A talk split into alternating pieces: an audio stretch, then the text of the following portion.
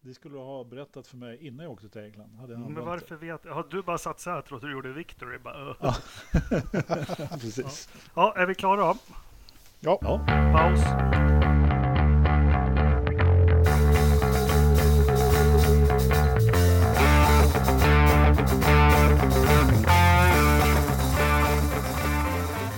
Forsa-podden nummer 57. ja, Det piper iväg. Det gör ju det. Ja, herregud. vi, Det är, det är snart eh, pensionsålder på den. 65. Ja. precis. Vi närmar oss 100 och våran livepodd i, vad var det vi sa, Globen? Eller blev det i mitt vardagsrum? Eller? Ja du, jag vet inte riktigt. eh, Men eh, Globen kan vi i alla fall sikta på så, så kanske vi hamnar i ditt vardagsrum. Vi är tre idag. Vi är Lövström, Ridderstolpe och Engelmark. Tyvärr, vi trodde vi skulle få med oss Ternström idag, men eh, som jag tror alla sett efter hans våldsamma hatattack på Twitter mot Takuma Sato så tror jag att han håller låg profil idag. Har ni sett den tweeten? Nej, låt Nej. höra. Ternström skrev riktat till Sato att på engelska också. Uh, gjorde han. Så jag tror att Jaha. han håller en låg profil nu. Jag tror han har stora problem med, med japansk media nu. Okej. Bra. Är ni laddade? Oh ja, Mm. Verkligen. Det, det blir ett litet annat upplägg idag. Vi börjar eh, direkt och kastar oss in i det som var i helgen. Och jag tänkte vi har två stycken eh, lyssnarfrågor som vi, vi sparkar igång det med. Kian Mm. Andersson, har Takuma Sato något straff att vänta sig? Ridderstolpe. Ja, Det hoppas jag. Lövström. ja, det hoppas jag också. För det där ska han ha ett straff för. Han, han har på något sätt kört till sig det.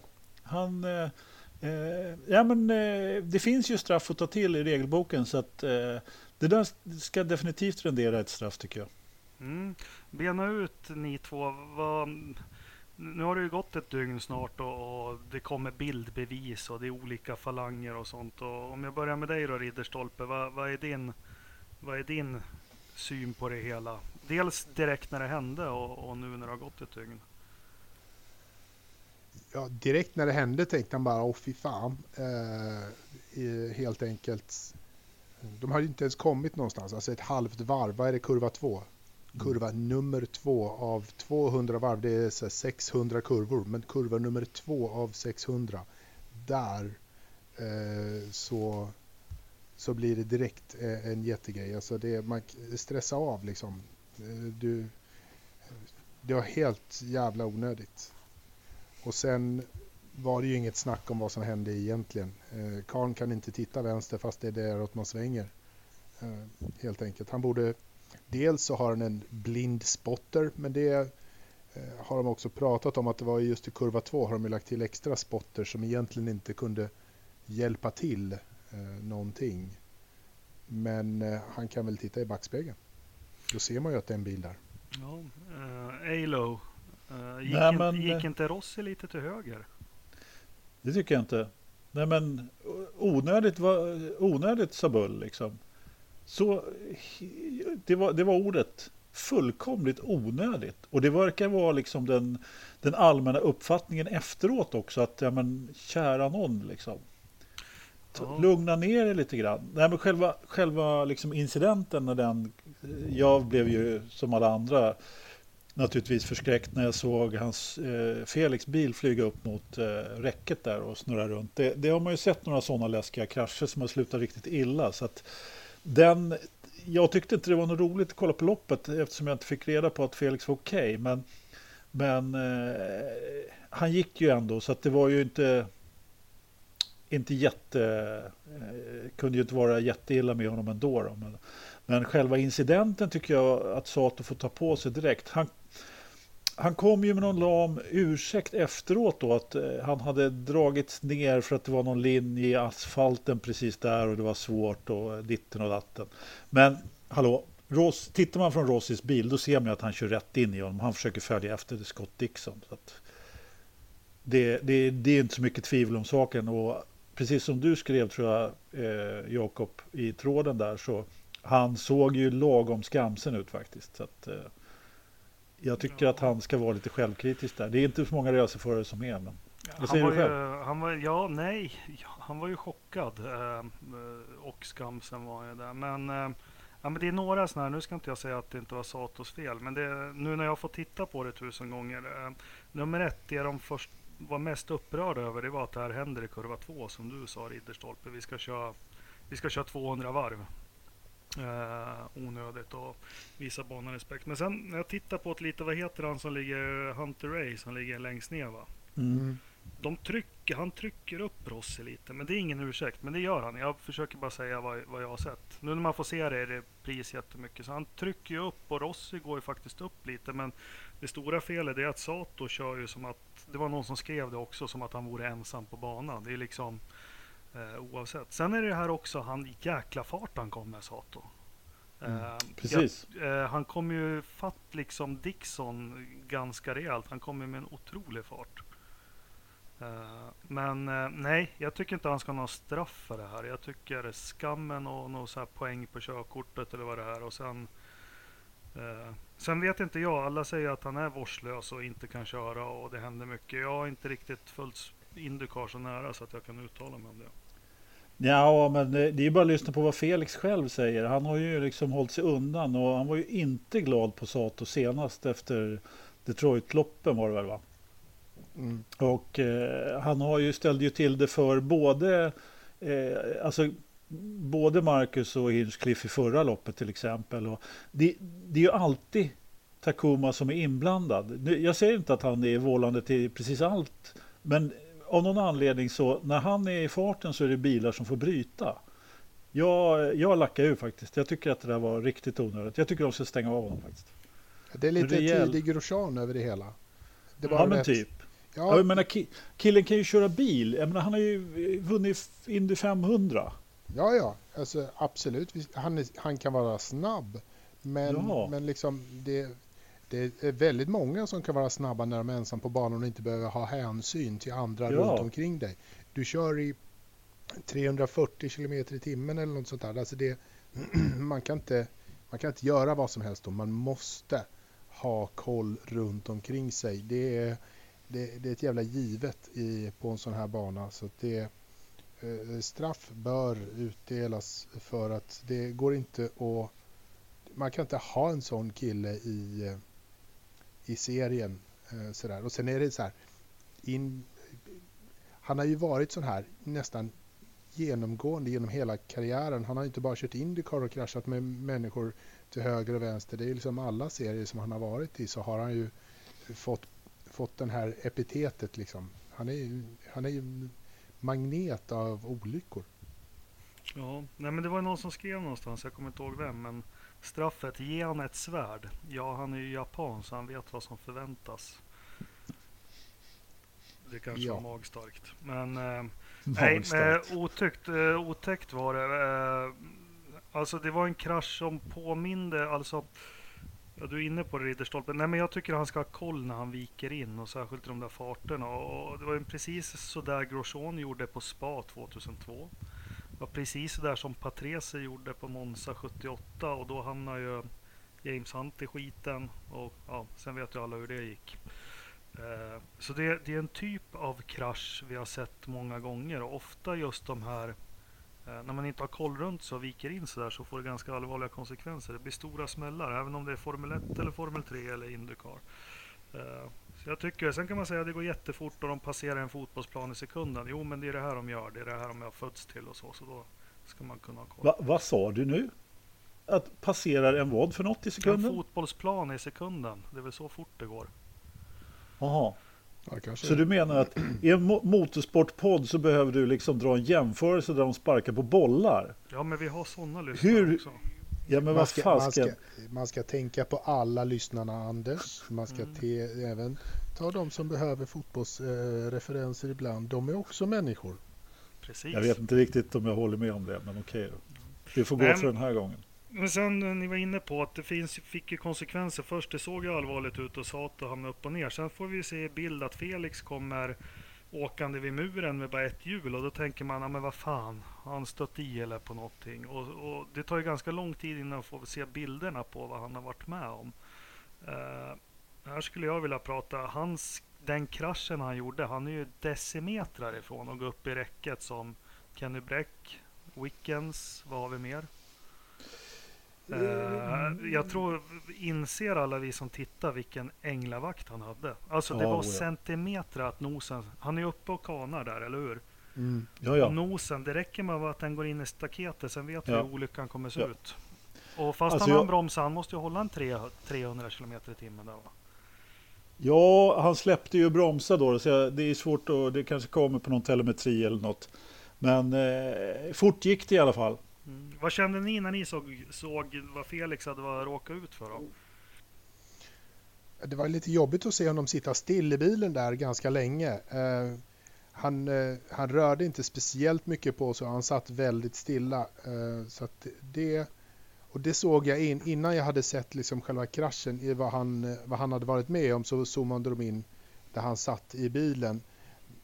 Men eh, ganska omedelbart, då, just då så såg jag på, med engelska kommentatorer, då sa de att, de, eh, att eh, medicinpersonalen inte åkte dit på en gång och inte hade speciellt bråttom till Felix tyder på att de förmodligen hade haft radiokontakt med honom ganska eh, tidigt eh, och kollat in läget om han hade svarat och allting sådär. Så att de hade nog koll på att han var hyggligt okej. Okay så att inte, han var inte den som man behövde ta först och då blev jag lite lugnare sådär. Sen såg man hjälmen rörde sig lite i alla fall men jag tror att han egentligen bara stannade kvar i bilen för att inte lämna bilen hur snabbt som helst då, och liksom bara vandra iväg på, på en racerbana för det är ju ingenting man gör bara sådär. Anders? Ja, men, eh, nej, men precis. Han, eh, nej, men det är ju ingen idé att... Det brann ju liksom ingenstans. Det är bara att sitta lugnt kvar i... i vad- jag, jag kan säga så att jag var helt lugn när han kraschade. Ursäkta. Jag, jag var liksom, jag kände att jag, jag, jag var mer orolig för bilen upp och ner och Sato och de andra. Jag trodde att, eh, för det första så såg jag först inte riktigt vilken luftfärd han hade, eh, Felix. Utan det kom ju med på repriserna sen. Och eh, då, då började jag ju fundera lite grann. Och sen så fick man ju som sagt, som du sa, se, honom sitta stilla. Jag tänkte också att nej, men, han rör på sig, det är lugnt. Liksom. Det, det, det där såg inte, det var, det var inte så illa. Men sen, när alla hade, när de körde honom vidare till sjukhuset, då tyckte jag att det var lite läbbigt. När de inte friskrev honom. Det, det var, för annars så var, jag fick ingen den här, så jag såg Kenny Bräck, då var jag ju beredd att läsa dödsannonsen i tidningen dagen efter. Liksom. Då var jag kalla kårar direkt. Eller när man såg eh, Greg Moore eller eh, vad hette han i Toronto? Jeff Krosnow.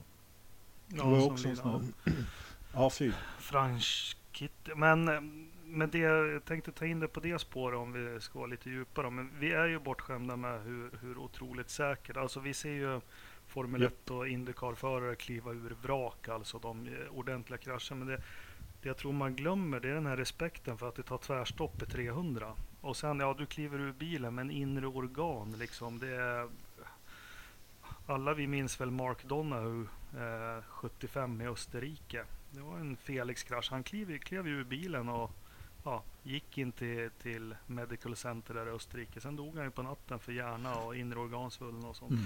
Alltså det måste vara enorma påfrestningar för kroppen oavsett att de kliver ut och så. Ja, men visst, visst är det så. Och eh, jag menar, det finns ju de som, eh, nu ska vi se, vem var det som pratade om att det var så ballt att krascha här? Eh, som jag, har, jag bara hörde på någon intervju här, häromdagen bara. Det var, det var någon som berättade och liksom tyckte inte alls att det var speciellt. Det var Kevin, Kevin Magnusson var det. Han tyckte, han tyckte inte det var speciellt jobbigt att krascha utan det var mest tufft tyckte han. Och liksom, han såg det inte som farligt alls och eh, hans be- beskrivning var väldigt speciell utav det här. Kan man säga, för han hade inte alls det här utan ja, men det är så säkert nu liksom om man kraschar. Just i Formel 1 då så kraschar man ju ofta på ett annorlunda sätt. Men det är ju när oturen är framme och man hamnar på fel ställe. Man kraschar fel. Det är ju då som det kan hända sådana här grejer. Och på en oval så, så eh, blir man luftburen så, så är det ju så oerhört mycket farligare. Och i och med att farten är så pass hög hela tiden också. Och det var samma sak eh, som Jacques Villeneuve när han kraschade i Orange där liksom. Kommer tillbaka. Fan vad häftigt liksom. Ja, jag vet inte. Jag, jag är inte så fan av den. Eh, eh, visst, nu för tiden så kliver man ju oftast ur en sån krasch om man kör rakt fram eh, i en eh, däckstrave liksom. Och, men nej. Ja, men alltså, det låter ju som att Ja, det är säkert skithäftigt att, att krascha och kliva ur och gå därifrån mm. och, och, sånt där. Men eh, det vet du ju inte förrän efteråt. Liksom så här. Man kan ju för fan inte säga att det är häftigt att krascha bara för om du håller på att krascha runt som, som en ung Grosjean eller som en gammal Takuma Sato så någon gång kommer det ju gå åt helvete antingen för dig eller för någon annan. Yep. Det är liksom, du har inte bara ditt liv som du spelar med, du, du leker ju med, yep. med andra människors liv. Och det är det som gör man måste ha den hänsynen till sina eh, medtävlare. Liksom. Men det, det är en jätteviktig... Ursäkta, du får prata klart. Nej, det, men det är liksom det...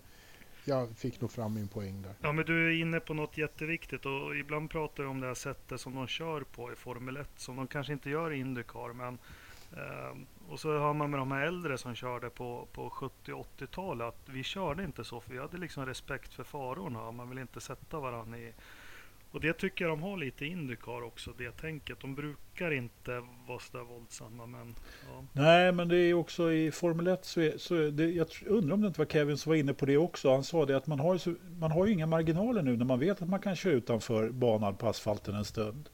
På det mm. sättet, liksom för, för track limits. Så det är klart att gränsen har ju flyttats en del. Och det är klart, eh, alltså i Indycar så ser ju banorna lite... Eh, de, de är ju inte som i Formel 1 med avåkningszoner och, och hela kilometer med asfalt. Utan eh, där är det ju verkligen så att de Sätter de av den på gräset alltså, då studsar den ju iväg och så finns det en mur där borta. Liksom. Men det var ju vår hjälte Senna. Senna. Det var ju han som satte agendan. Det vet jag Martin Brandel har berättat i flertal intervjuer när de körde F3 mot varandra 83 att det var ju han som började med. Han gick upp jämsides inför en kurva och då hade Brandel att välja på bromsa eller dö. Ja. Alltså, ja. Eh, sen när jag överlät det till, till den andra. Han var ju skyddad mm. av Gud. Men återigen det här med smällarna. Jag kommer ihåg Marcus smäll på Silverstone 2016 var det va? Om ni minns den. När han tappade, eh, när, när, du menar han tappade, eh, vad heter den? DRSen? Nej, det var på Monza. Den här ja, på Monza. Eh, på Stowe. Han sladd, sladdade runt, det var, det var blött och han sladdade Kom runt. Kom ut på curbsen. Men då ja. vet jag i alla fall att han, efter, det var ju en rejäl smäll och han klev ju ur oss om man tänker, men han, han pinkade ju blod den natten. Mm. Då förstår man ju på det här njurar och allting. Ja, men du, jag tänkte när vi ändå är inne på det alltså, här. Eh, ja. ja, jag måste bara säga en sak. Alltså, han tappade visst DRSen på Silverstone i högerknixen därefter, men det kanske var 2017 då? Ja, nej, det där var ett gjort... förarmisstag 2016. Det är skitsamma egentligen. Eh, det är ja. efter Hangar Straight så har du Stowe. Och ja. sen går ju den över till en liten vänsterknix i högen och där kom han ut för långt med vänster bakhjul på curbsen och så spann Ja, men då, då, då var det en annan krasch som jag tänkte mm. på. Men du, vi kommer, det som vi pratar om då, Måns Nordell. Hur kommer Felix rejäla krasch påverka hans framtid i Indycar? Sätter det sig som ett hjärnspöke eller kan han studsa tillbaka och känna sig tillräckligt bekväm igen? Det är Måns, tycker jag, en bra fråga. För det här har ju spekulerat i, inte bara vi, att det har ju gått rykten om eh, att Felix, när han kom in i det här, inte har känt sig jättebekväm på ovaler. Sen har han ju haft, han hade Indy-kraschen och den här oturliga. Mm, vad, vi säger Ridderstolpe, du får börja. Gå in i hans huvud nu. Hur ja, herregud. Uh,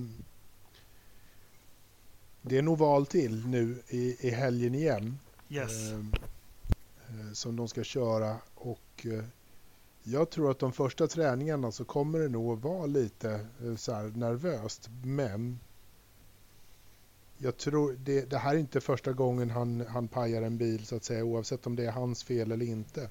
Så jag tror att själva kraschen i sig att den skedde på en oval och att han har liksom haft lite oflyt på just ovaler hoppas jag verkligen inte att det egentligen spelar som någon större roll för han, han kör ju på vanliga banor efter att ha kraschat det och, och sådär ändå också. jag tror att han möjligtvis kan att det sätter någonstans att han kör så in i bomben fort. Eh, liksom, när, han, när hjärnan förstår någonstans när han sitter där på rakan och ska in i, i kurva 3 att fan det går i 340 km i timmen om han nu har en, har en uppfattning om det att säga, ja, men det här går jävligt fort. Då kanske han släpper av lite extra. Det är väl liksom risken. Han är inte rädd för att krascha igen skulle jag säga. Men, men Anders, hur, hur, tror du man tänker som racerförare? Ingen av oss är ju det, så nu får vi spekulera. Men vi drar det till så här, om jag är ute och kör bil klockan nio och så kör jag på en älg på ett ställe. Då kommer jag ta det lugnt nästa gång jag åker på det stället, för jag vet att här körde jag på en älg. Hur gör en racerförare för att tänka bort sånt där? Nu ska han sätta sig i bilen och köra oval här på, på, i helgen igen. Hur funkar ja, de? Ja du, äh, det där är ju en intressant fråga. Sen är det väl så att en racerförare måste ju ha ett psyke. Nu läste jag att Felix, han, han kommer inte ihåg någonting av kraschen, så det är bra. Då kan han ju glömma den. Ja, då Nej, måste då. det varit en bra smäll alltså. Ja, men det är klart det var. Det är klart det var. Nej, men eh, det är självklart att det sätts på psyket på ett eller annat sätt. Sådär. Eh, ja, ja, och till råga på eländet har han ju jobbat sig tillbaka då och hade rätt bra fart åtminstone på sista träningen där på Pocono. Jag tror också att Pocono kanske skulle passa hans körstil lite bättre än de andra ovalerna, men Alltså jag är dålig på den där, eh, det får kanske Freud Ridderstolpe köra med på. Jag är, jag är dålig på, på just den där psyke, psykbiten. För min del så är det väl så att eh, det är bara ut och köra igen. Liksom. Det är, jag tror att det är bra att det är en oval redan nu till veckan. Så länge han är frisk, eh, liksom rent fysiskt, så är det bara ut och köra. och, och, och om man ser Takuma Sato får han väl lappa till honom eller något. Jag det är inte för inte det... som, du, som du kallas plåt-Anders, men jag, jag, passar över den till dig då Ridderstolpe. Förstår du vad jag menar? Vi människor samlar ju på oss erfarenheter och vi agerar utifrån våra erfarenheter. Hur tänker en racerförare bort sådana här erfarenheter? Det är det jag tycker är intressant. Ja, för, för att jämföra med, med, med, din älg där så hade du liksom ett och samma ställe där det var liksom en älgövergång på vägen. Nu kommer han till en annan oval. Han tar en annan väg till jobbet. Han åker inte förbi den här platsen där han körde på älgen. Han åker till en annat ställe. Det är en annan setup, det är en annan uppbyggnad, det, det är andra kurvor. Det ser annorlunda ut. Det gör att han kommer inte liksom att eh, koppla ihop det med kurva 2 på Pocono utan det här är kurva 1, 2, 3, 4 i Gateway heter det eller någonting det nästa lopp tror jag. Ja. Så att, eh, jag, jag, tror att eh, psyket är, är så pass skyddande också mot oss att vi, vi, kan koppla, vi, vi behöver inte liksom koppla ihop de två. Bara för att de råkar vara ovaler så är det inte samma oval. Eh, frågan är väl liksom så här, nästa år när han kommer till Pocono eh, Kommer det spela någon roll då? Nästa år han kommer till Indy 500 och ska köra den. Kommer det spela någon roll då? Mm. För det är liksom den här kurvan och rouge och allt det här. Liksom det, det är när det, händer, när det sker just där. Det är den kopplingen hjärnan får och då är det där du är. Ja, men jag, jag kommer ihåg när jag började bry mig om, om racing när jag var riktigt liten då, då, och läste massa. Då, då var de flesta racerförare stod det fatalister och det frågade min pappa vad det var. Och det är att ja, men det är förutbestämt och, och jag tror väl att Felix och andra racerförare att de kanske resonerar ja men det är två krascher på, på en karriär och nu har jag gjort de två, nu händer det inte igen. Eller, eller det spelar ingen roll vad jag gör, det är förutbestämt. Men jag tycker det är, imp det är imponerande. Och, och eh, nu vet jag att du gillar utförsåkning Anders, men eh, någon som gjorde det här när jag satt och rös faktiskt var Anja Persson eh, i mm. OS. Absolut. Mm, men hon fegade ju hoppet, men hon, ja, hon körde, hon körde ju ändå. Ja, hon körde ändå, absolut. Ja, men, eh, ja, men eller hur. Ja, men så är det ju. Och, ja, men, då måste man ju också tänka på, om du tar upp Anja då. Jag, vet, jag, jag känner inte Felix riktigt, men alltså, han har ju haft en förmåga att klara sig undan krascher tidigare i karriären. Han, han, det har ju varit en av hans styrkor att han verkligen har sett vad han ska göra. Så det, kan, kanske, det, det kanske kan sätta sig lite i hans huvud. att han har svårt att... Och, liksom, han kommer inte undan de här krascherna. Nu har ju Ferrucci då, han har ju blåst förbi på utsidan. Eh, eh åtminstone senaste gången har gjort det flera, eh, vid flera andra tillfällen. Och, och, Felix har liksom hamnat mitt i kraschen. Så att, om det är något som sätter sig i huvudet så kanske det är det. För tidigare har han alltid liksom klarat sig undan den här typen av svårigheter. Och.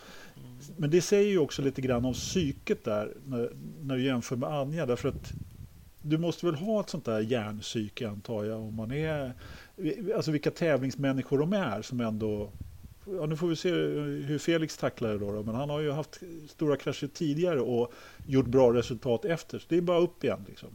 Mm. Full fart framåt. Ja, nej men, eh, ja, nej, men intressant. Man, eh, Eh, ja men det är ju supermänniskor, de har bra psyke. Eh, jag tänkte innan vi börjar prata om loppet och säg då Håkan Larsen, är Pocono för farlig att köra på? Jag säger nej. Mm. Alltså jag säger också nej, men alltså jag vet inte riktigt. Förarna tycker ju inte om den. De tycker att den är för farlig och då kanske man ska lyssna på dem. Då, då. Jag, jag, alltså just nu så var det ju faktiskt Sato som ställde till det och eh, som var för aggressiv. Det är i alla fall min uppfattning av det hela. Och, hade, hade man tagit lite, det känns som att det var omständigheter. Sen är den tydligen väldigt guppig. Till exempel eh, Pigå där, hans krasch. Han slog alltså av framvingen i ett gupp. Det var därför mm. han eh, snurrade. Så att, är det är klart, alltså hamnar man, är det så pass illa, då kanske det är så att man ska ställa över den där banan. Jag är ju ingen fan av ovaler överhuvudtaget egentligen an, annat än när det går bra så att säga. och det, det, då är det kul att se på vissa ställen. Men de här super speedways, nej, alltså inte Indycar. Jag är inte så förtjust i det. Alltså. Ridderstolpe, Nej, jag funderade faktiskt på det där igår. Vad är det som gör egentligen att den här att den här är så mycket farligare än de andra? För de kör ju jävligt fort på, på alla liksom. Men eh, jag vet inte, det, det, är väl kanske det att det när, när det skiter sig och nu har det, nu har det ju liksom gått dåligt tre gånger på, på tre, två, tre möjliga år här så att eh, den har väl fått lite, lite, kanske lite dåligt rykte eller så här, en, en, en dålig formkurva eh, för en bana den här tiden. Liksom. Men jag vet inte om den är farligare än någon annan. Liksom. Det, det bara, kan bara vara oflyt. Liksom. Mm, men Scott Dixon var inne på det att uh han tyckte ju banan fick oförtjänt och det var oturligt mm. mer sa han ju där direkt. Scott Dixon ja. Eh, fan. Eller nej usch svär. Scott Dixon. Det börjar bli min, en av mina stora raceridoler nu för tiden. För, för det första är han ju så otroligt sympatisk. Alltså han är en mm. världsstjärna. Han har vunnit sju titlar, fem. Han är så fem. sympatisk. Han är fantastisk och när han pratar då lyssnar man och han säger alltid vettiga saker. Han är ödmjuk men och, och har den här pondusen utan att gå runt och skrika. Uh, nu fick jag det sagt om Dixon i alla fall. Men uh, Dixon har ju vaknat till. Han är där och hugger. Nu kommer han tvåa. Uh, mm. Vad säger vi om loppet? Det var väl lite ja, tråkigt. Det. Var det inte? Mycket tråkigt tyckte jag. Mycket. Ja, alltså, men å andra sidan så har jag förstått att Pocono är ju också en, en bana som nu visserligen, jag, jag såg någon, någon, någon, någon eh, video här att de hade typ 20 omkörningar på 27 varv, Tony Kanan och eh, någon annan. 2017 kanske det var. Så att det går ju att köra om på banan men eh, det är tydligen mer en, en, positionsbana. Det är banposition som gäller och du kör inte om eh, så himla enkelt eh, och sådär. Så att jag när, när, när jag fick höra det då, då fick man ju ställa in sig på att okay, det här kommer bli lite tågkörning av det hela så att ja, det blev rätt. Yeah.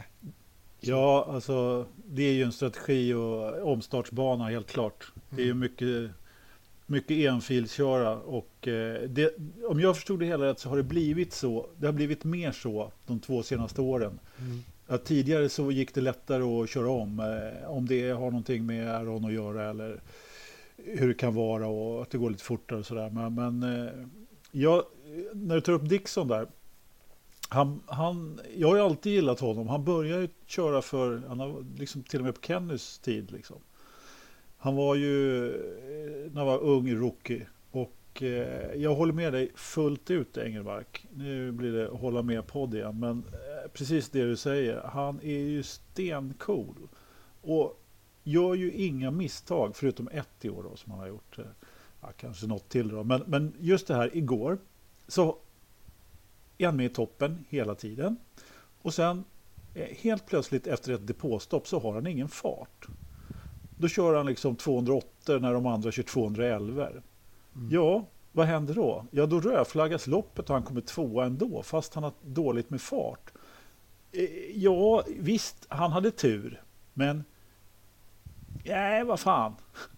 Man har inte tur om man är där uppe i mästerskapet och har vunnit fem sådana. Visst, det är lite flyt, men det studsar ju in men det har vi pratat om många gånger. Så att, han visste ju hur han skulle hållas kvar den där andra platsen så länge som det behövdes. Det var ju likadant i något annat lopp där när han liksom helt plötsligt så, så lyckades han ju ta en pallplats fast han var egentligen hade ingen fart i hela loppet. Nu hade han ju fart i en stor del av loppet också. Då, så att, det, förutom på, och det, det där förundrar mig lite grann hur det kan komma sig att han helt plötsligt efter ett depåstopp inte har någon fart alls. Ja, men får, får, jag, får jag ta den då Anders? För mm. Eh, Jag försökte skriva till er. Vi har ju en liten Forsa-podd där vi planerar våra poddar. Så jag försökte skriva lite till er igår. Men ni var bara bu, hu, du är dum, du förstår inget. Ja, men det vi... som när jag ser sådana ovallopp, och det gäller alla Indycar, och, och, nu pratar inte jag i stintar, att du tappar tempo i stintar, men ta som, vad hände med Will Power? Helt plötsligt efter några varv så bara kör han så jävla mycket fortare än alla andra på en fullgasbana. Alltså det skiftar så mycket i tempot i, i särskilt i ovalloppen från varv till varv. Alltså hur kan han helt plötsligt bara svinga sig förbi någon eh, i kurvan och dra ifrån med 25 billängder? Jo, det ska jag berätta för farbror. Ja, men kom inte och säg draft Låt... eller något sånt där nu. Låt höra. Nej, det, jag har ingen förklaring egentligen, men, men alltså, det, jag tror inte att det är en sak heller. Men just, just Will Power där, jag undrar, han hade hyfsat bra fart från början också, men de gick in på en liten annan strategi. Eh, och det, jag skulle kunna tänka mig att det är så pass enkelt som att eh, han får helt enkelt, ju längre han kör ju bättre blir bilen. Ju, ju längre, ju mer gummi som finns på banan. En, en racerbana förändras ju under hela loppet, så enkelt är det ju.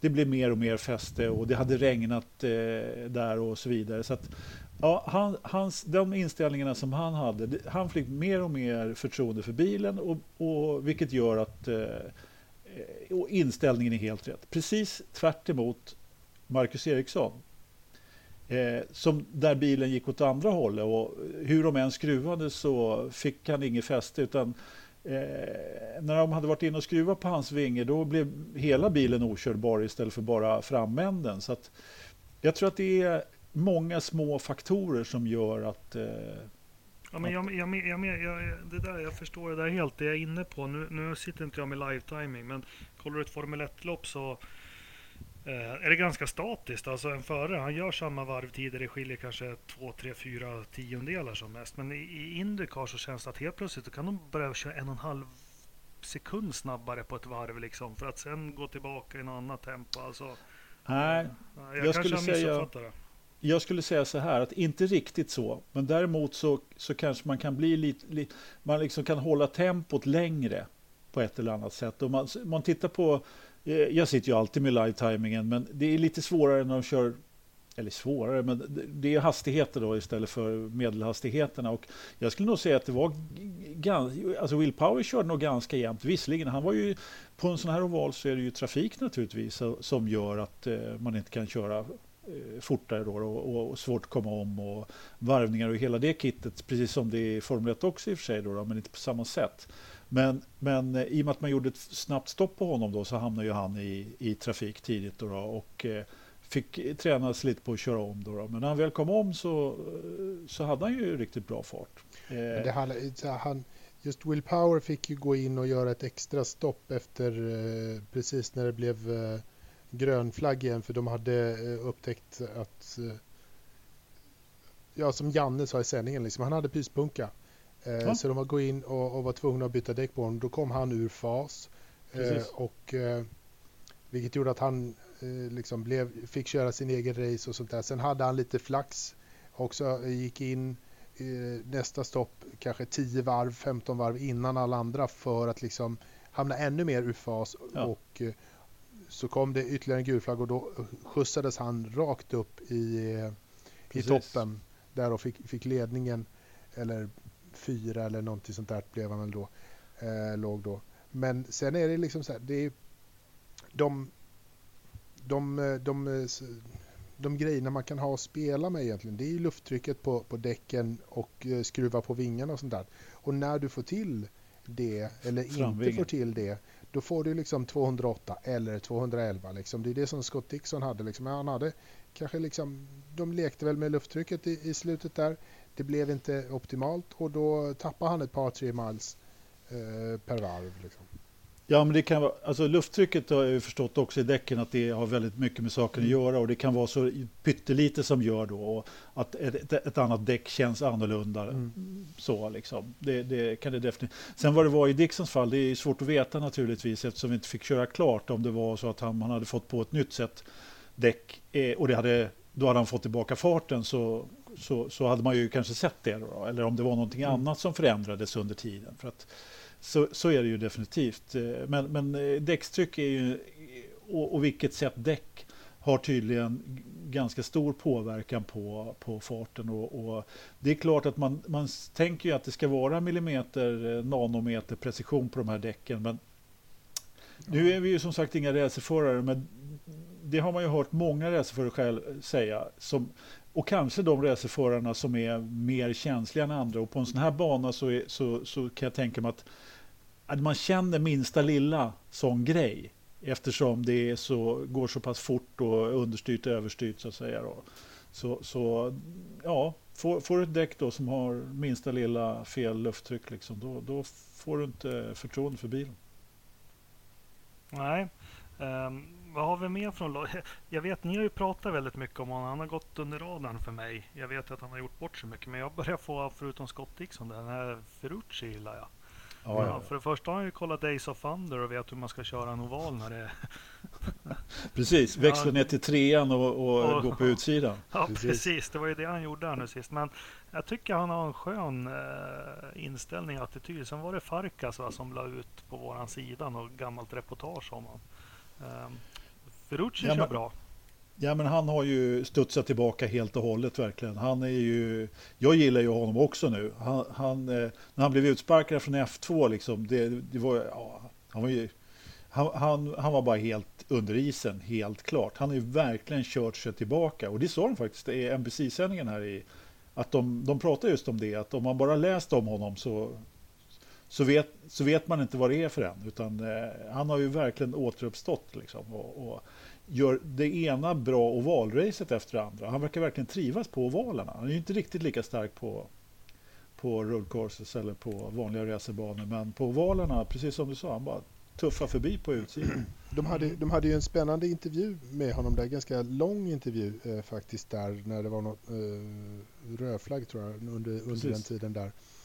Och då frågade de hur han eh, faktiskt tyckte, alltså hur, hur han lyckades bli, vara så bra på ovaler och sådär. Han bara, det, det handlar bara om, tillit, tilltro till, eh, teamet eh, runt omkring, att de är experter, de vet vad de gör, de, de ger mig rätt feedback, de, de eh, säger åt mig rätt saker. Så jag, han sa, det enda jag gör det är att köra så fort som möjligt. Sen säger de åt mig vad jag ska köra, hur jag ska köra.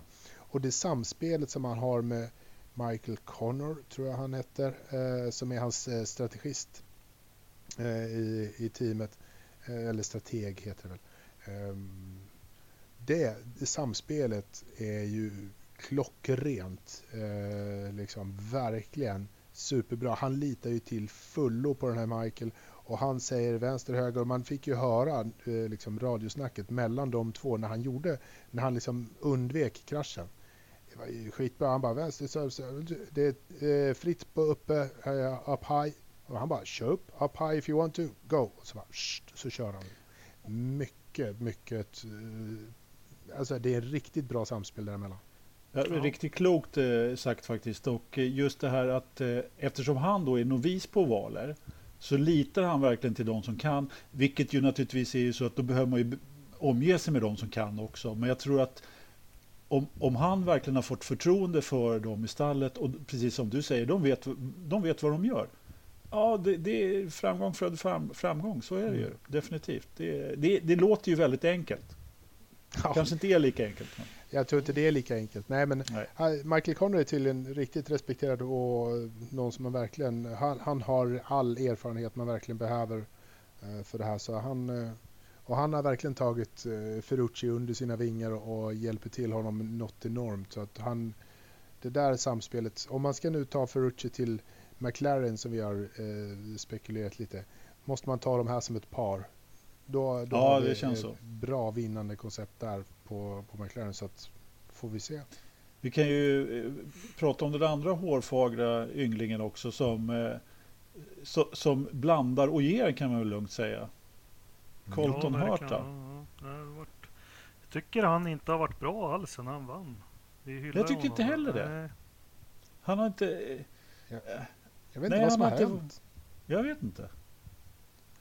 Och eh, honom pratas det ju också väldigt mycket om eh, i si- silly season att han ska eh, gå där från att han kommer att köra andrätt Honda Mm. nästa år. Då. Vi får väl se. Jag Jag han, är, han är ung pojke. Han har väl passat på att casha in på brudfronten nu efter han vann det där loppet. Så han har haft lite fokus på annat. Han, frisyren tyder på att han kommer direkt från...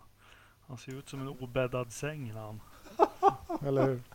Han ser Jag ut tänkte- som en obäddad säng. Ja, eh, en elak fågel kvittrade. Vi ska väl inte avslöja vem det var. Men Marcus hävdar ju att han, med tanke på hans kontraktssituation, så jag kör som bäst under press. Och den elaka tungan sa det då att då är ju kontraktet klart utifrån hans prestation nu i söndags. Eh, Marcus, han gick under radarn för mig. Jag plupp, plupp var han trea helt plötsligt. Då hoppas jag på regn. Men hur, hur var hans lopp? Jag börjar med Alo nu. Hur var Ja. Marcus lopp? Hur hans lopp var? Nej men han körde ju bra. Men eh, i omstarter och där han kunde påverka. Men sen, sen var det ju det här klassiska. Han hade ju inget för bilen. Eh, han, han, han hade ju inte fått, rätt, fått den inställd eh, bra helt enkelt. Så den blev ju egentligen sämre och sämre. Jag kommer inte ihåg om det var första, möjligen andra stoppet så skruvade man ju på vingen. Och eh, efter det så gick det ju egentligen bara sämre. Och det var som jag sa tidigare där att innan dess hade han bara understyrt. Eh, efter det så, gick, så funkar inte någonting på bilen. Liksom. Och de fick ju aldrig ordning på det där heller. Och det gick väl hyfsat där på första sättet däcken då. Men, men eh, när han låg åtta där en stund inledningsvis. Och första omstarten så tog han ju ett par platser. Låg ju faktiskt femma utan att någon eh, eh, utan att någon var i depå. Han låg femma på banan så att säga. Men sen började han ju halka bakåt mer och mer och mer i, i hela loppet. Så att det, han var ju, han kunde, fick ju helt enkelt rädda vad som räddas kunde. Det var ju bara som hade de inte avbrutit det där så hade han ju hamnat ett varv efter. Det hade han ju garanterat gjort. Så att, eh, det var ju ingen rolig historia. Men, Men- vad ska man göra? Jag vet inte. Jag vet inte. Är det så här att alltså köra bra under press? Ja, vad fan. Vilken förare hade gjort det där bra då? Jag vet inte. Hur, kan man verkligen göra det bättre än sådär? Nej, Jag är inte ute efter hans huvud på något sätt. Dels, eh, men det kan vi diskutera en annan gång, för det har vi resonerat om. Men just den kommentaren, att, att på något vis påvisa för, för omvärlden att det nu är som bäst. Det har vi aldrig hört de här stora, Stenmark och Borg och, och, och dem säga. Men det, det är skit samma. Men eh, Ridderstolpe, en, en tanke. Eh, som sagt, inte hänga Marcus, men det här var ju verkligen en helg med hans situation där han skulle kört in ett bra resultat med tanke på att flera toppbilar bryter. Ja, han borde väl liksom kommit topp 10 hade väl varit eh, eh, det hade ju varit bra liksom att, att göra det eh, alltså ett bekvämt eh, topp 10 placering liksom att hållit sig mellan 5 och 8 hade varit bra. Eh, tyvärr, jag fick en dålig känsla ganska tidigt för att även när han låg femma så eh, Eh, kom han upp till femte plats tidigt efter omstart och så där låg en halv 0,8 efter. Sen gick det några varv så var det 1,1 efter, sen gick det några varv så var det 1,3. Han höll inte liksom bra fart egentligen någon gång på racet. Han, han tappade konstant till bilen framför hela tiden. Han tog egentligen aldrig in mer än när de andra var i närheten. Då hade han en möjlighet att liksom agera och göra en omkörning.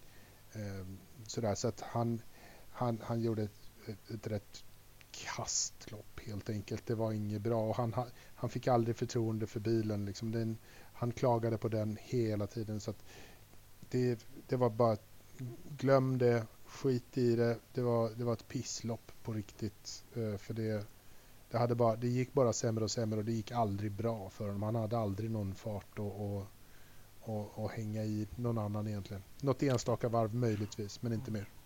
Men först, förstå sig påarna där borta i Amerika, de säger att eh, det var två håll jag läste på att man, man är ganska säker på att han har en styrning nästa år. Mm. Eh, Jag har hört det också. Eh, och det får vi hoppas på. Eh, som sagt, kapitalisera på år två. Innan vi stänger Indycar-fönstret, ALO, eh, så har vi några eh, lyssnarfrågor apropå Indycar. Och Mikael, George eller Georg Nilsson.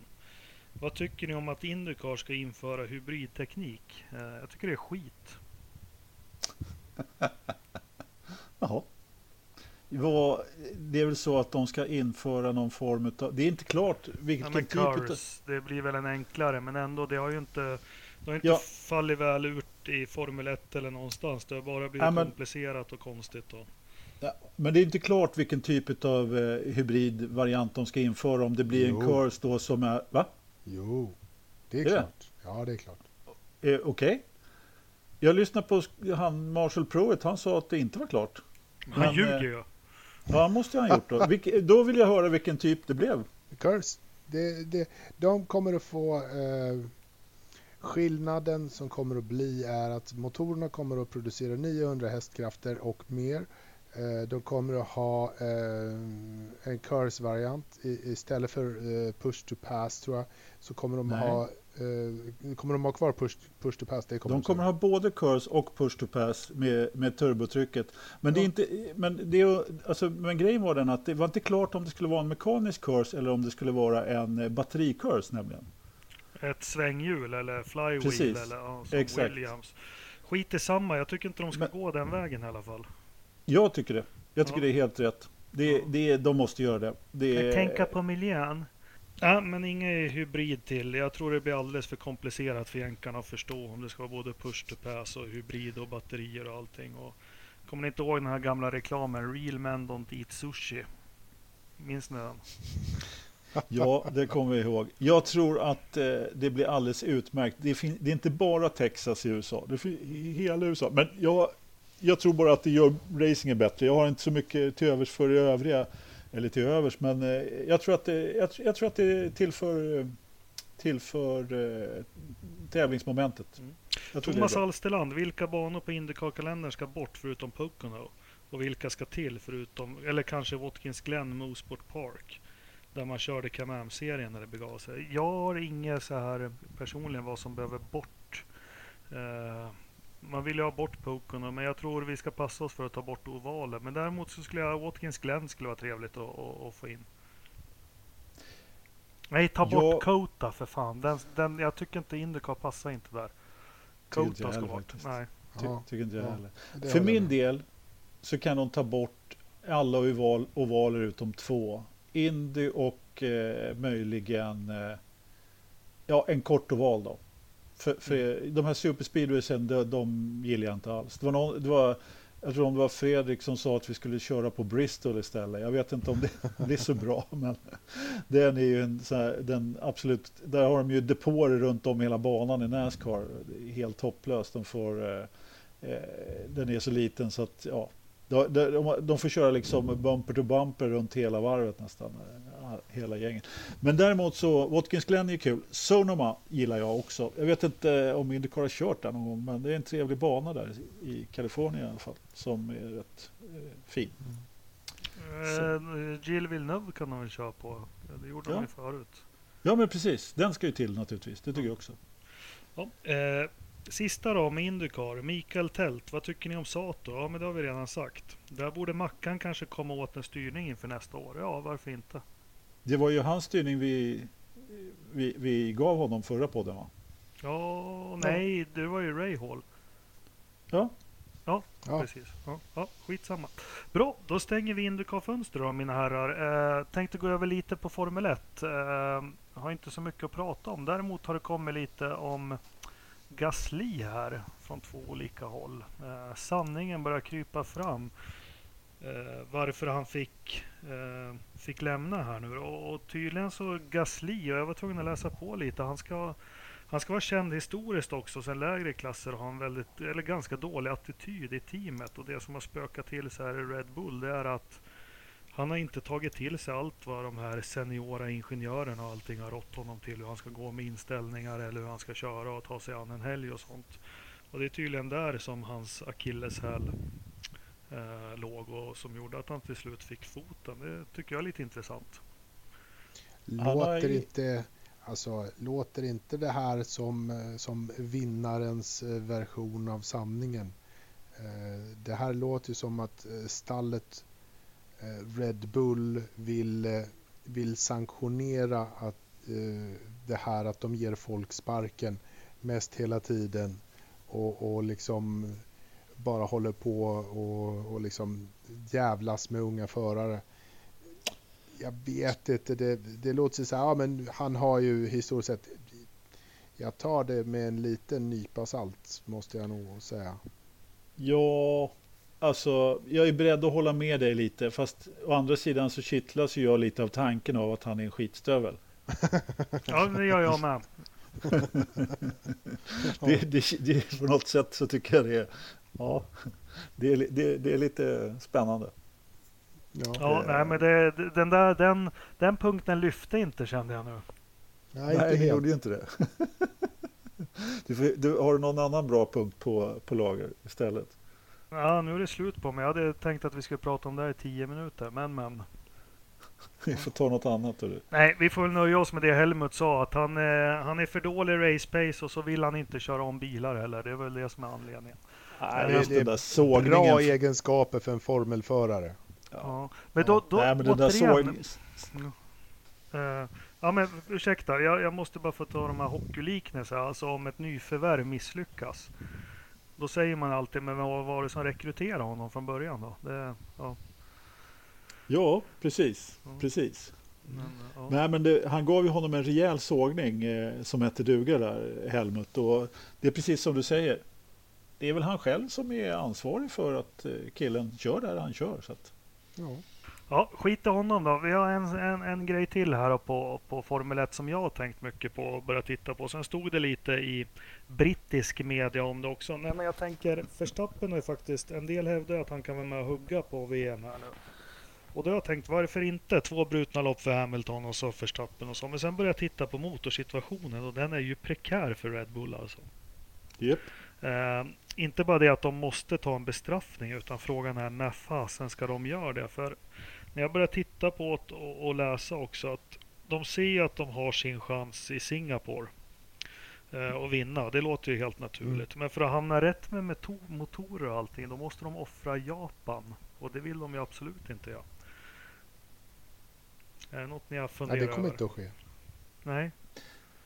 Nej, jag har inte funderat på det mer än att eh, jag, annat än att jag har tänkt att eh, när kommer det bestraffningarna för Red Bull? För att de det, det rök ju några där i början ganska ordentligt. Nu, nu, har, nu har inte jag järnkoll, jag vet inte hur mycket du har kollat, om det har rykit något på sistone. Nej, men de, ligger, de vill ju fasa ut den och fasa in den nya uppdateringen och nu, nu är de ju på sin tredje motor så de kommer ju ta minst, minst en, säkert mm. två bestraffningar här nu. Eh, resten av säsongen. Och, och, precis som jag sa, jag vet ju att Red Bull och Verstappen går alltid bra i Brasilien. Där har de chans. Singapore har de jättechans. Eh, jag låter konstigt, men jag tror de har chansen på spa också. Men strunt i samma, när ska de... För tar de det nu naturligt till nya motorn till Monza eller spa, då kommer de hamna helt fel i det här så att de inte får en fräsch motor i, i Japan utan bestraffning och så vidare. Jag tror att de, jag tror att de byter till Monza för där, jag, jag, jag tror inte de har någon, någon större chans på den banan eh, ändå. De kommer inte att vinna på Monza. Så då tar de helt enkelt och, och kör eh, Max eh, motor. De byter den där. Eh, och sen kanske de bara eh, fiskör för att komma in femma. Liksom. Men det, det, är lite intressant. Låt oss säga att det verkligen skulle vara lite kniven på strupen här mellan Hamilton och Verstappen. Just det, vi har ju aldrig kommit in i det här med eh, att motorer och växellådor skulle liksom vara lite avgörande för VM-fighten. Men vad, vad, tycker vi om det här med att du får bestraffningar för att byta en motor? Är det, är det rätt eller fel? Alltså, till att börja med skulle jag vilja säga att det där kommer aldrig hända. Lewis kommer att segla hem det här VMet utan problem. Eh, och Verstappen kommer inte vara i närheten. Men... Nej, nej. Inte i år. I år är det ju inte... Nej, men däremot så är det ju lite kul att han är där och hugger nu, definitivt. Han, men han är inte och hugger på, på Hamilton. Han, är, han kör om andra, andra platsen som alla andra, det är jag helt övertygad om. Ja. Eh, däremot själva frågan där om, om eh, Alltså det är lika för alla som, som man alltid säger i de här lägena. Och Honda har ju börjat få fart på grejerna i år. De får köra för nästa år helt enkelt. Så enkelt är det. det är, om det blir en motorbestraffning som, eh, som avgör. Jag har egentligen inga problem med det faktiskt. Så. Nej. Det, det, det är reglerna. Jag tycker det är en tuff regel. Tre motorer på, på 20 race. Det, det är enorm hårt. Alltså. är den. Den är enorm. Ja, ja alltså det, det är stenhårt. Men sen är det också det, det bakom allting ligger ju pengarna liksom. Det är ju pengarullningen som, som man vill försöka kontrollera på ett eller annat sätt. Och det här är ju en, ett, ett verktyg att kontrollera att du kan inte göra 20 motorer. Eh, så här. Alla har inte de pengarna och då Fast jag är inne man... på att, ja, jag, jag, jag, men jag är inne på fan, de här motorerna vi har nu, de är ju svindyra. Ja, de är, är sjukt dyra. Ja, de är sjukt dyra. Alltså, låt dem ha 15 V8 då. Alltså, så, så slipper jag. Jag, nej, men jag, jag, är inte riktigt sams med det här. Och jag kommer ihåg, var det VM 2012? Då började de använda, då började de byta motor och växellåda på Massas bil för att han hade kvalat högre än Alonso. Så att Alonso skulle få åka fram en plats. Det var eh, USAs GP. Jag gillar inte det där riktigt. Men vi kom bort från saken. Men prekärt läge med motorer för för mm. Red Bull i alla fall. Får se hur Honda väljer att göra. Det var det ja. jag hade om Formel 1. Har ni, något, har ni något annat om Formel 1? Vet du vad JJ står för i JJ Lehto? Jerry Latte, något sånt där. Anledningen till att, eh, jag kan berätta för lyssnarna att anledningen till att jag frågar det är för att när man loggar in i vår lilla poddstudio så får man ta ett namn och eh, Engelmark hette från början idag, vad hette du första gången idag? Vi har haft lite strul. Nej, du, innan nej. dess hette du Baricello förra veckan. Ja, nej, du hade ja, något innan du... Hette du... Sen hette du Bottas. Strunt samma. Vad fan hette jag Jyr... först? Ja du, ja, det var ju det jag frågade. Jyrki Järviletto ja, med, det. med eh, eh, ursäkta uttalet alla som kan finska. Hur, hur har vi det med Jyrki? Har... Ja, han har väl legat lågt sen han var ute och körde båt där och, och... Ja, hade ihjäl sin polare på båten. Ja du, jag vet faktiskt inte riktigt vad han sysslar med. Då. Jag hade nog legat lågt efter det också. Det skulle jag också ha gjort faktiskt. I... Han var bra. Alltså? Ja, ja var han, han egentligen var väl han. Egentligen skulle, trodde de väl mer finnarna på honom än på Häckenen. Men när han väl hamnade i en bra bil där 94 i Benetton så bröt han ju nacken. Försäsongstesterna och sen vart han väl aldrig riktigt kry från det. Nej. Det här ödesdigra lite... racet på, på Imola 94. Det är han som fixar den här startkraschen genom att inte komma iväg. Och liksom då, mm. då kör han bil med. Han har ju fruktansvärda problem med nacken då. Han har ju brutit nacken på försäsongstestet. Ändå Just så kval, kvalar han närmare no, än vad någon annan gör Schumacher på hela säsongen. Uh, så jag tror han kunde mm. köra bil. Jag vet inte, jag det kan han säkert. Jag har svårt att bedöma honom faktiskt lite grann sådär. Eh, men ja. ja. Mm. Bra, du, vi tar lite. Vi har många lyssnarfrågor. Jag tycker de är roliga. Eh, mm. Ska vi snabba på dem lite? Eh, Jesper Nilsson, tycker ni om rally? Jag kan börja där. Jag tyckte om rally. Jag är totalt ointresserad av rally nu. Jag kan svara på den också, därför jag har sett eh, en del rally också. Jag ty tyckte också om rally, men är också helt ointresserad nu. Jag vet inte varför, det bara är så. Jag, har, jag tyckte det var jättekul tidigare. Jag tycker fortfarande om att åka med onboardbilder i rallybil, för jag tycker nog fan det är ja. det bland det häftigaste som finns på en grusväg. Alltså. Jävlar vad det går. Ett det... av de få såna här körspelen som jag spelar, liksom Colin McRae. Ja, ja men alltså Colin liksom. McRae Rally, det är skitroligt. Men alltså, när man åker med eh, en, en, en, när de bara brassar på. Det är så sjukt häftigt. Ja, det går ju fort alltså på ett Ja. annat sätt än det gör på Ja. banracing. Så är det ju. Och det är träd och prylar i vägen. Och, Och människor bara som kastar sig bort och de håller gasen i liksom hela tiden. Flytta på för fan. Liksom. ja, men liksom 200 km i timmen på en gru, 50 grusväg i Norrlandsskogarna eller eh, Ja. var det nu är någonstans. Ja, ja herregud. Nej, men jag tycker om den svarta vulkanen skulle göra comeback, då skulle jag sitta klistrad. Michel Världen- Mouton eller? Ja, världens vackraste kvinna. Ja. var hon. Eh, ni som gillar rally, vad heter han finnen som gör eh, de här fantastiska klippen på Youtube? Anti. Antti. Kolla på hans hyllning till Grupp B. Det är, den- Ja, den är så bra. Jag har lagt ut den på forumet någon gång. Jag, jag ska se om jag hittar den igen. Du Han gjorde, den. Ja. han gjorde jättebra Formel 1-klipp också, men han... eh, Bara han rallyn blev- där 80-talet och så inleder han bara du, du, du, du, du, Danger Zone från Top Gun. Så jävla coolt Det är alltså. klockrent. Du, du, du, Ja. du, du, du, du, du. Ja, eh, Urban Dorbell, enligt en F1-kommentator som sagt i tre säsonger nu att man får inte luras med depåstopp som Mercedes gjort.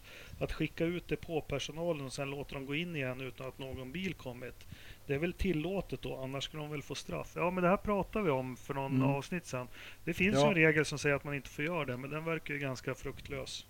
Nej, men den är ju fruktlös eftersom de hela tiden kan säga att eh, ja, men vi var ute för att täcka upp för det här eller det här. Så att det är väldigt svårt att få något straff på det. Men eh, om regeln är... Det, förut så sprang de ju ut i tid och otid i och för sig, så något har de väl gjort. Men det känns ju som att Mercedes har, har tagit det där till en ny nivå faktiskt när de eh, springer ut. Oskar Lind eh, Jonsson, den här är jag till Ridderstolpe. Om ni, vi niar ju dig i Ridderstolpe. Ja, såklart. Eh, om ni fick skapa en racingserie, vad skulle Forsa Motorsport Grand Prix ha för typ av bilar? Formelbilar. Open wheel racing. Med halo? Om vi ska vara FIA-sanktionerade har vi inget val. Fast såg ni inte hur bra den här Indycar-halon funkar? Fast det är ingen Ja, halo, den- det är bara en pinne som är Jo, framför. men den funkar ju otroligt bra mot det där skräpet som kom. Ja, Ja, det gjorde den. den Men de får ju en eh, vind... eh, Vad heter det? Sån här, den här Aeros, Aeroscreen va? Ja. ja, precis. Till nästa Usch, år. Alltså. usch, usch, usch. Ja, men jag skulle också välja en formelbil. En stor, härlig. Då skulle jag välja en eh, Grupp C Jaguar från 88. En Silk Cut. Ja. De rökte jag, de ciggen när jag var ung och, och åkte till London. Jag kände mig svincool då. Svaga som bara den var de. Eh, Thomas Skalberg, berätta, berätta lite anekdoter från när team har fuskat eller några skandaler från förr. Eh, jag har några eh, kvartingar ligger med det. Vi har ju Tyrell har ju fuskat så in i helskotta. Eh, och det som är lite roligt att Tyrell, de vart ju, var det 84 som de blev utdragna ur VM från fuska med vikten. Och senaste fusket ett stall fick, blev diskade för och fick stå över ett lopp. Det var faktiskt Bar Honda 2005 var det va?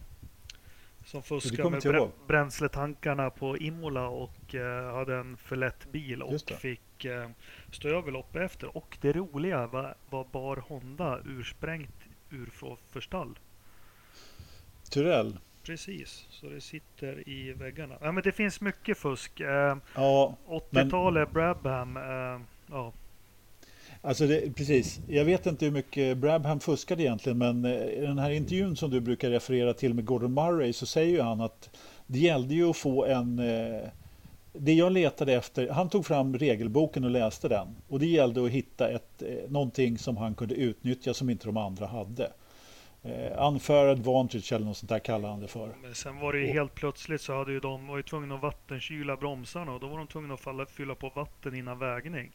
Så de Ja. behövde ju 40 liter vatten och kyla bromsar. Ja men det var mycket sånt där då. Men- Det är väl men- inte för inte jag- att både Herbie Blash och Charlie Whiting har sin bakgrund i Brabham och ja. Ja, eh, Herbie Blash och Charlie Whiting, det är, finns ju en annan kille som också har sin bakgrund där. ja Ross. Nej, Eh, Bernie. Bernie. Ja. Det var ju han som anställde dem. Så att, eh, Det är Det han som största tog det här till en, till en Men- konstform. Ja. Ja, Det men största precis. fusket tycker väl jag det är Benetton 1994 men det kan vara ett eget avsnitt för det är riktigt Ja. fusk. Ja, men det borde vi nästan ta upp lite mer eh, sådär. Jag, jag, jag kommer ju också ihåg det precis alltihopa eh, och så vidare. Men jag har egentligen inga detaljer. Det kanske du har mer. Men jo, jag har massor jag... med detaljer. Men de hittar ju, men det, det, här kom ju ut långt, långt senare. Men eh, det ryktades om att de hade antispinn och massa elektroniska hjälpmedel. Och ja, jo, jo. när Fia tog in, vad heter det, dator, CFU eller vad kallas det? Datorer. Ja. men då hittade de ju de här koderna som låg gömda. Eh, som eh, man kunde aktivera genom att trycka på knappar i en viss ordning på ratten. Och sånt. Ja. Men vi tar men, det någon annan gång. Ja, men det gör vi. Men du, jag måste bara få säga att det största fusket enligt mig, det är ju faktiskt Singapore eh, och eh, Flavio. Crashgate. När, ja. eh, om man nu, det är ju inte teknisk fusk, men det är ju trots allt en... Liksom, Manipulerande av resultat på ja. något vis. Men ja. det, är ju, det skulle jag säga. Det är ju en lagidrott. Ja, precis. Om man inte menar den här spionaffären då så med McLaren och Ferrari ja, som Alonso också. var... Oh, just. Ja, fan. Hörru, Jakob. Det, det är vi måste faktiskt ha... här. Vi, må, nej, vi måste ha ett fuskavsnitt. Ja. Vi måste ha ett, i, i, när säsongen är slut. Vi måste ha ett julavsnitt och ett, ett, ett, ett sånt här med alla lister och fan och hans moster. Vi skulle ha någon ett... rimstuga där vid jul också. rimstuga. Ja, nej, vi måste ha ett fuskavsnitt. Det måste vi ha. Det, Olof, det var bra. Olof Laneryd, hur träffade ni Mika så att han skrev på flaggan? Anders, du får ja. ge bakgrund och svara på den. Ja, men det är lite kul faktiskt. Eh, vi kan ju berätta för dem som kanske inte vet om det då, att den här fina flaggan med massor med hål i där, den eh, som är våran bild, eh, bakgrundsbild där, och den har ju då Mika Häkkinen kladdat på i ena hörnet. Och det kan vi tacka vår forummedlem Jari Raivio för faktiskt. För han körde omkring Mika i Stockholm under ett par dagar när han var här i jag tror han var här och kommenterade för eh, MTV3 helt enkelt, var expertkommentator. Ja. Och eh, eh, körde, eh, körde kommenteringen där under, under en helg så att säga. Och eh, Jari då som är chaufför eh, fick då det eh, ärofyllda uppdraget att köra omkring honom. jag vet inte riktigt hur det gick till men han lyckades snika in sig där på något sätt. Och då skickade jag med honom flaggan helt enkelt så han fick eh, kladda lite på den. Mm. Jag tror att han fick skriva på rätt mycket mer grejer. Jag tror att hela hans eh, taxibil där var fullklottrad. Ja, men, jag, men det går ju inte att göra något annat än älska Jari det här du att han var så jävla sur när Häckenen bröt något lopp där så ja, beställde han sin Mercedes och köpte en Volvo istället. Ja, men det, jag, jag älskar det och, och nej, det, Jari. Men han är inte chaufför längre. Han är i samma bransch som mig. Jag tror Jari håller på med fiberutbyggnad nu faktiskt. Ja. Jag har fått för mig. Uh, men Jari, du får gärna fixa lite mer autografer. Uh, Mintus kanske. Mm. Uh, Olof Laneryd igen, vad tyckte ni om Ron Dennis? Jag tyckte om Ron Dennis, jag älskar hans Ron Speak. Vad tyckte ni? ja, jag, jag har ingenting emot Ron Dennis. Egentligen tycker jag mer om, om honom bara för att det var några goda vänner som verkligen hatade honom eh, överallt. Men han var ju en perfektionist. Så han var förmodligen oerhört svår att jobba för skulle jag kunna tänka mig. För han skulle lägga sig i allting och han var extrem perfektionist. Eh, men jag, jag tycker han, jag menar, han hade så stora framgångar så att, eh, ja. Ridderstolpe? Jag tilltalades av hans kontrollbehov. Det, eh, det, det, det, jag känner igen mig. Uh, inte för att jag på något sätt är lika framgångsrik just... på Ron Dennis, men, men liksom ett, ett kontrollbehov och liksom perfektionismen och allt det här. Så, han vet, han visste, får man väl säga, vad han ville och eh, han såg till att det blev så som han ville. Ja, men precis. Och sen så, det, det, som, det som jag gillar mer med honom, eller så, som så här i efterhand lite grann, eller efterhand, nu är han ju inte Formel 1 längre, men när han blir utmanövrerad av de här väldigt stark, andra starka ägarna, vad gör han då? Jo, han, han hyr Royal Albert Hall för hela personalen och bjuder på avskedsfest. Liksom. Mm. Alltså, Men vad gör, vad, gör, vad gör han nu då, Ron? Ingen aning. Ingen aning. Men det du är inne på, perfektionist, det är några sådana här saker. Det är helt sanslöst. Men senaste, det här Beyond the Grind eller vad det heter, när Alex Wurz eh, intervjuas. Eh, Wurz gjorde ju samma som när han ville trotsa Ron Dennis när han var arg på honom. gjorde han som Alonso, sparade han ut håret. Det fick man ju inte göra. var Det för att han inte hade något hår själv som ingen annan fick ha? Nej, men han det- skulle, men- han men skulle titta- all... Men titta bakåt. Sen Hans- han, den första som fick klippa sig, det var Alan Prost. När han kom till McLaren. Sen Kekke Rosberg. Titta, googla en bild Kekke Rosberg Williams 1985. Och så googlar ni Kekke Rosberg Williams, eller McLaren 1986. Alltså Eh, Sen kollar ni när, ja, nej, men lyssna nu. Sen kollar ni när Senna skriver på 88. Kolla på hans frisyr. Så kollar ni när Alonso skriver på 07. Alla har klippt håret inför sin anställning. Alltså riktigt, riktigt kort. Nej, det där tror inte jag på. Jo, det är säkert Ron Dennis. Jag har hört honom säga att han tror som astronauter säger att hår tar kraft ur hjärnan. Men titta, jag får lägga upp alla de här bilderna. Hår tar kraft ur hjärnan. Ja, eh, Det kan vara det dummaste jag har hört faktiskt på länge. Ja men ändå, de klipptes aldrig. Jag, jag mycket- får lägga ut bildbevis på det här om du inte tror på det. Sen en annan sak, jag som, det här sa jag för massor med avsnitt. Adrian Newies bok när han berättade, han liksom kom inte till det här nya utan där de var i Woking förut. Och det var ju så tråkigt Hans- kontoret, mahogny Hans och, kontor.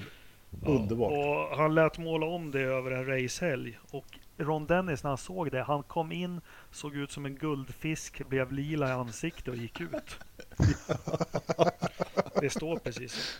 Okej, vi fortsätter då. Eh, vad fan hände här då? Eh, Olof igen, kommer Forsa fixa en träff nästa år? Ja, men det skulle vara kul tycker jag. Nästa år? Jag har ju fixat två träffar i år. Eller Ja. jag och jag har inte fixat dem. Men Då, vi har ju eh, en när vi ska lyssna på Ronny Pettersson. eh, Eller vad heter han? Inte på Ronny utan på Kenneth. Christer Olausson. Kenneth. Kenneth Olausson. Den 2 november. Just det. Ja, men där Eh, kommer Fredrik Olsberg. En grupppilsner efter föredraget om Ronny. Diktator Lövström väljer pub. Ja, det kan Då vi ju definitivt göra. Det måste, jag måste komma på någon som är... Det Det är finns någon jävla egentligen bara en pub i pizzeria i närheten. Flemingsberg då. Nej. Nej, men ja. det finns bara en bra pub på Östermalm i stort sett och det är Tudor Arms. Så att det får bli den då. Ja. Eh, Men jag rekommenderar alla. Jag hade ju förmånen att få åka hem eller vara hem hos eh, Kenneth för 11-12 år sedan. Han bodde i Mariefred. Satt där. Enormt trevlig karl. Eh, det var när jag var i mitt största Ronny Pettersson-näste och, och, och få sitta där i flera timmar och han visar bilder och han berättar väldigt mycket i, inte förtroende, men om Ronny och hur det var där. Och jag har faktiskt flera planscher här där jag sitter som jag har fått av och litografier som jag fick av Kenneth. Så jag, snälla, eh, titta på Kenneth Olausson. Gå dit. Berwaldhallen 2 november. Beställ biljetter berwaldhallen.se. Vad kostar det? Eh, 300 någonting. Nej, då har jag inte råd. Då får ni ha så kul. Eh, vi fortsätter. Joakim Fagerlund. Scenario. Ni är Bernie Eccleston och beslutar er för att starta ett team. Obegränsat med pengar och ni får välja fritt bland förare och teamchef. Vilka förare, teamchef och sponsorer? Då får du eh, utse förarna, Ridderstolpe. Carlos Sainz. Och Max Verstappen. Okej. För Eh, teamchef. Ja, ja, men, ja, fast ja, jo, den är bra. Men teamchef så utser jag mig själv till eftersom jag är van att vinna. Anders, vilka sponsorer har vi? Sponsorer, måste Mm. man ha det? Husky och Rich. Ja, jag tänkte just säga det. Det, det, det blir Husky och Rich. Fan vilket team, vad ska vi heta? Forza. Eh, eh, Ridder Point Racing. Ja just det, Night, Night, Racing. Pole Race, Night Pole Racing blir det. Night Pole Racing, det är såklart. Ja, Självklart. Ja, och istället, eh, vi har en lans där fram också. Ja, precis. Som eh, som pekar kylarmärke. Ja, ja, ja, men, eh, teamchef, det måste ju bli Ron Dennis då. ja. Ja. Vart ska vi ha fabriken då? Tullinge? Ja, ja, ja, ja, det blir bra. Jag, jag har egentligen bara en sak. Jag vill anställa han Mercedes, eh, James eh, Wolves, eller vad han heter. Som, Get eh, in there! Nej, Nej. inte han. Inte Nej. James Strategen. Ellison. Strategens, hans chef, eh, James Wolves, han som var på podiet Ja, senast och tog emot. Eh, han är grym den killen. Det är han som, eh, det är han som, sen har han ju i och för sig föraren då som backar upp det hela också, som Mm. fixar hans strategier. Men, men, eh, men tittar ni när han pratar om loppen i efterhand som Mercedes Ja. lägger upp? Det, ja, men Precis. det tycker jag är häftigt. Du får ju lite insyn. Eh, får du. han är riktigt bra. Ja. Riktigt Mm. bra. Två frågor kvar. Joakim Brohede, kommer det någon kvarting? Ja, jag ska sitta till att det kommer en kvarting nu. Nu jävlar.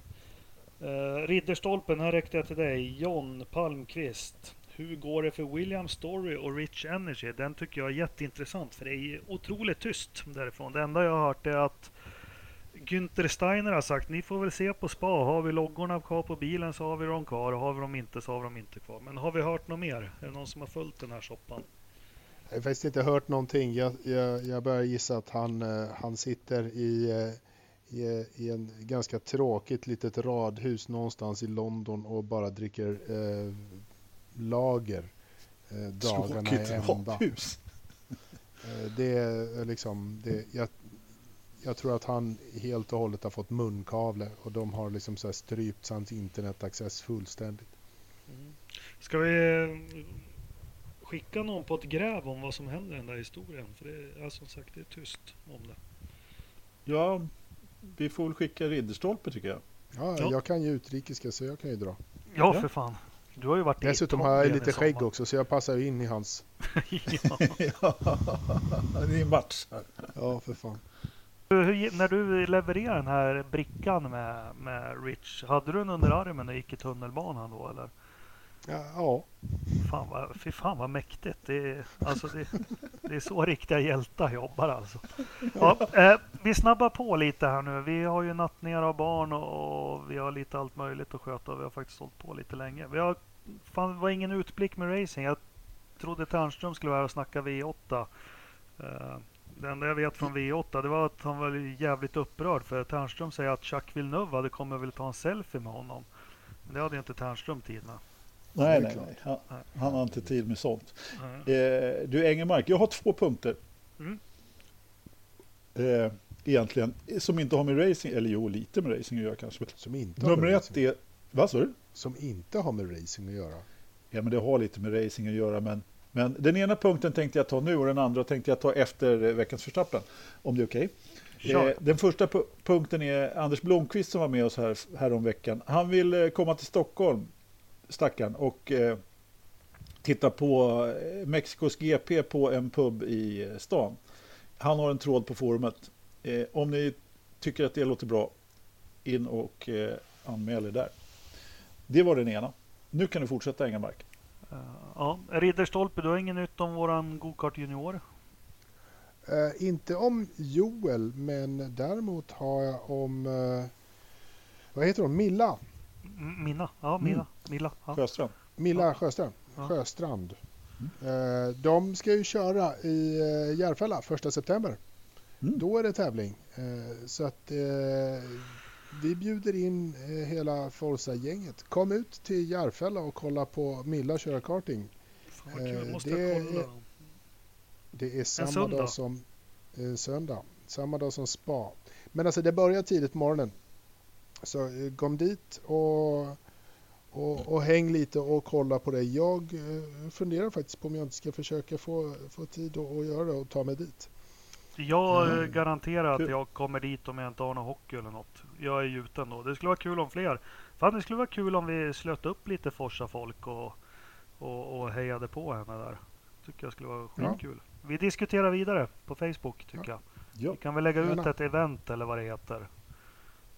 Ja, det kan vi göra. Bra. Vi kan leta upp lite mer info om det och sånt där. Men det, det skulle vara skoj att att se, se henne köra lite karting. Vi har ju inget väder idag. Eh, och vi har inte Det har vi visst det. Jaha, vi har väder, men då tar vi veckans förstappen då. Eh, jag tror att alla vi tre unisont kan säga veckans förstappen, eller? Nej, Två, tre, två, ett, noll. Takuma, Takuma Sa- Sato. Sato. Indycar-organisationen som ännu inte har kommit med en bestraffning. det var bra. Du, ja, och veckans Ja. förstappen åt andra hållet. Vet du vad, det glömde jag säga när vi stängde Indycar-fönstret. Det är så jävla coolt med Indycar. Rossi går in i muren i 320 km i timmen. De bara direkt bara lindar ihop bilen med gaffatejp. Eller hur? Så, så de lagar ju för fan. Karjäveln ska ut och köra liksom 60G i kurvorna, värsta jävla. Och så har de tejpat tejpat. Ja, hjulupphängningen till och med. Ja. Karossen Ja. köper, man tejpar hjulupphängningen.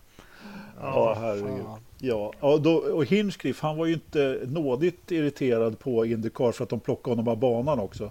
Han tyckte att den här, eh, den här regeln att man får köra, ut och köra sen efter en krasch, han gillade inte det. det var, han tyckte det var godtyckligt och hur det var. Men nu hade ju han rätt eh, dåligt med fart där, så det är väl rätt klart att de plockar bort honom. Men det ja. finns ju mycket att älska. Alltså älskar ni inte de här truckarna som kommer ut och, och med LED-belysningen och det blinkar och och de bara ramlar ur de där bilarna. Ja, de är, fan, det, och springer sig in. De måste ju få hjärtinfarkter. Sen såg jag såg den här bärgningsbilen. Som, var det Felix bil de körde? Den måste ju ha hållit 100 miles. Det är det fortaste jag sett den. Han hade bilen hängde på en kran bakom och det gick så jäkla fort. Ja, ja, Sato. Men du Anders, då får du avsluta nu då. Ja, men jag kan definitivt avsluta. Vi, vi, vi, frågade ju precis som du sa där om vi var någon som hade något tips på eh, avslutning då. Men jag har fått en väderprognos ifrån eh, en annan eh, håla höll jag på att säga nu. Men inte från Grövelsjön men väl från Knivsta. Eh, det har just dragit förbi... Knivsta, det är ju en förort till Märsta. Ja, uh, inte fan vet jag. Jo, typ det sa man när man spelade hockey mot dem. Ja, men nej, man var lite med, ja skitsamma. Ja. Det har just dragit... Fan, nu slutar den ju fungera, väl Det har just dragit förbi en front med regn, men just nu klarnar det upp. Temperatur ute är nu 17,7 grader. Det här var nog en timme sedan, sedan jag fick ja. den här i och för sig. Så det kan ha, det kan ha sjunkit lite grann. I kylrummet, Aka Tardisen, är det 7,7 grader. Vad sa, vad sa du? Och, och det är 71 procents luftfuktighet i den.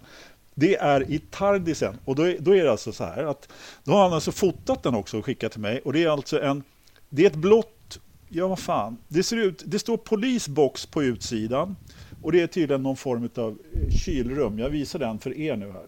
Okej. Okay.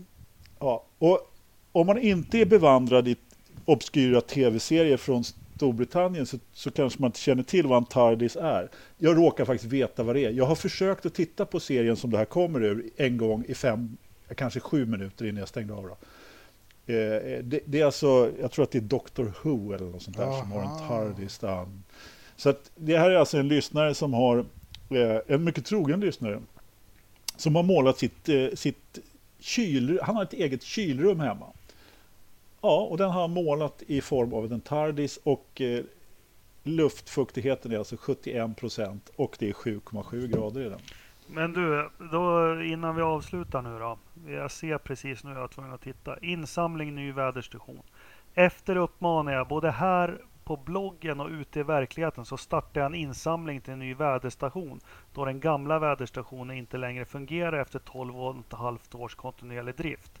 Vill ha en bra och tillförlitlig väderstation och valet har fallit på en halvprofessionell station av märket Davis Instrument.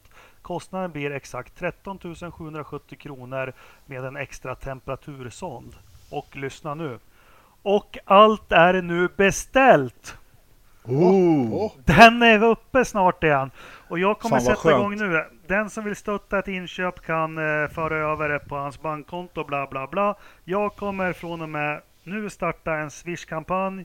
Eh, vi måste ha in, om det så bara är en hundring vi skänker från Forsa-podden till, till eh, Pastis. Så, så ja, det här måste vi ha med och sponsra. Swish-kampanj är ju din grej. Och det, det, här glädjer mig något oerhört. För då slipper jag nämligen ta väderprognosen från Knivsta framöver. Det, ja. Vi kanske får dras med den några ja, jag, avsnitt. Jag, men... är jätteglad. Tyvärr så går jag back på alla Swish-kampanjer. Men det är fan det, det jag vill och gör nu. Hörrni, hade du något mer Anders? Nej, det var stopp nu. Ja, då går vi och nattar barn du och jag Ridderstolpe. Ja. Och Anders, du får sätta dig och redigera. Jag ska jag göra det. det låter bra. Mm, tack alla som lyssnar och tack för alla frågor. Det är jättetrevligt. Ja. Och, och ja, återigen, jätte... tack för alla glada tillrop som jag får på Messenger. Det tycker jag är jättekul. Ni får jättegärna ja. stå för det och skriva det på Facebook också. Men eh, det värmer. Och eh, på återhörande om en vecka. Jajamensan. Ja. Tack för att ni lyssnar. Ha det bra. Hej. Tjena.